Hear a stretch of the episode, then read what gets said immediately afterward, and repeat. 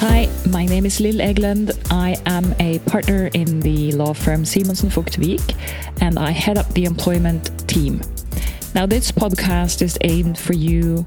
Um, you are a manager, you may be an HR person, you may be a lawyer, but you have to deal with Norwegian employment law even if you do not speak the language.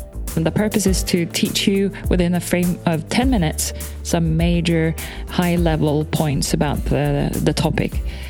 Today's topic is downsizing, and we're going to look on a downsizing pro process from A to Z on a helicopter perspective again.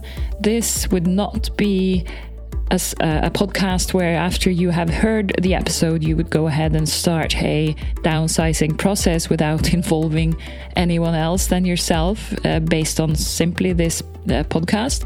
But it's not meant to, de- to, to give you details, it's meant to give you a high level understanding of the topic of downsizing in Norway. And as I do with all of the episodes of this podcast, you should really get out and take a walk while you listen to this because I promise you, you will feel better and you will have learned more if you do it. So, over to the various stages of a downsizing process. Typically, a downsizing process would consist of three phases. It would be the planning phase, it would be the consultation with union phase, and it would be the execution phase where you select the redundant employees and then subsequently either terminate them or enter into termination agreements with them. And before I move on to those phases, I want to dwell for a couple of minutes by the topic termination agreements. Because very often I have clients come to me say, We are going to downsize, but don't worry. Uh, we are going to offer termination agreements, which means that we are not going to invest much in uh, consulting or preparing. I mean, we are going to offer these people generous packages, so we don't need that work of, of doing the preparation or consulting with the unions.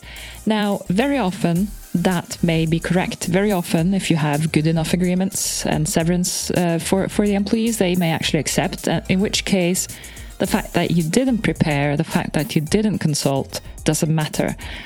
However, in some cases, it goes sideways. In some cases, if you go straight to the employees offering a termination agreement, if one or more um, reject that agreement, you are back to square and you haven't performed the right steps that you were supposed to and obligated to perform. And that puts you in a, in a worse situation than you have done it. So, very often, or I would say in all cases, I recommend clients to actually do some planning and to do uh, some sort of consultation and fair selection before going ahead and uh, offering termination agreements to individual employees. So, what are the steps? Well, let's start with the first phase that's the planning phase. And the purpose of the planning phase is basically to prepare you for whatever may come in the process ahead of you. It means explaining why you are planning to do whatever it is you are planning to do. It is explaining how are you going to identify redundant employees? What type of selection criteria are you planning to have? It is thinking about whether you want to offer a termination agreement or whether you plan on going ahead and simply terminating unilaterally without any severance at all.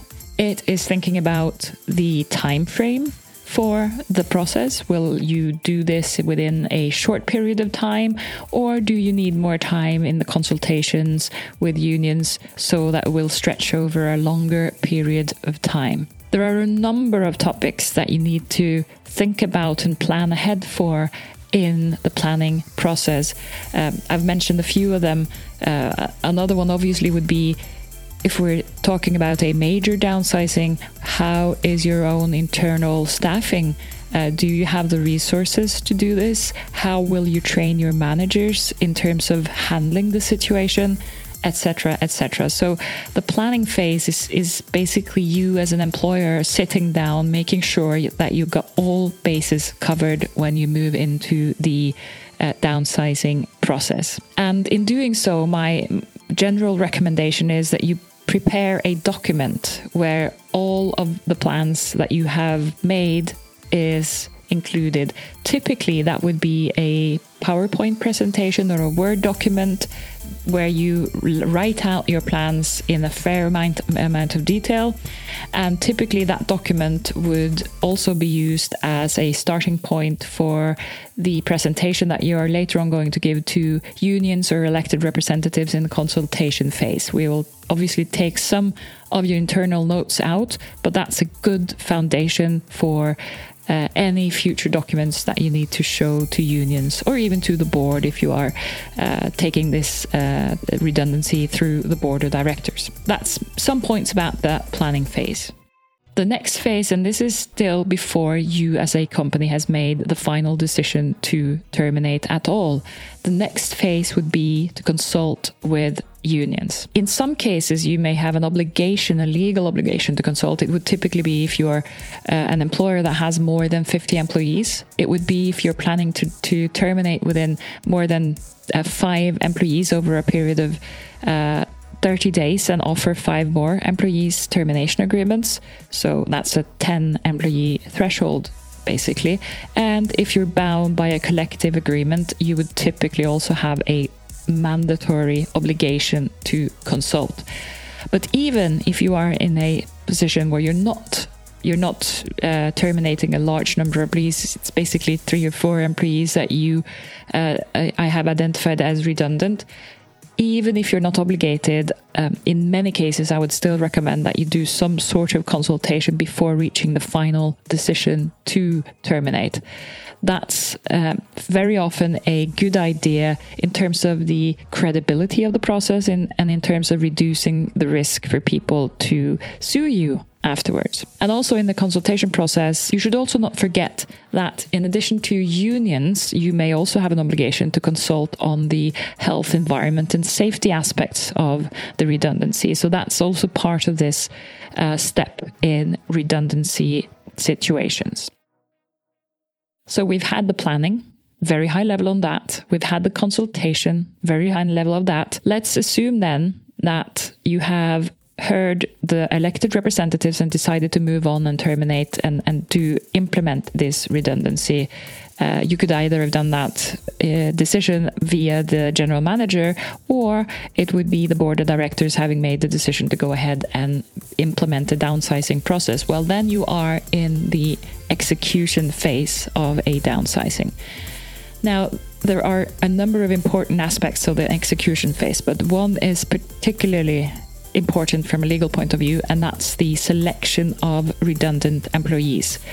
In Norway, such as in other many other European countries as well, you need to have fair and reasonable selection criteria when you identify which one of the employees are going to lose their jobs as a consequence of the downsizing that selection criteria in Norway would typically be length of service, uh, competence, and social circumstances. And the variation of those two uh, former criteria, so, uh, social circumstances and competence, would typically then have to be carved out in the process. This I mentioned this specifically the, the topic of selection of employees because from a legal point of view, this is what's going to make or break your case if you haven't put in sufficient amount of time and energy and competence into the selection process, you are going to lose the case if you're brought before the court.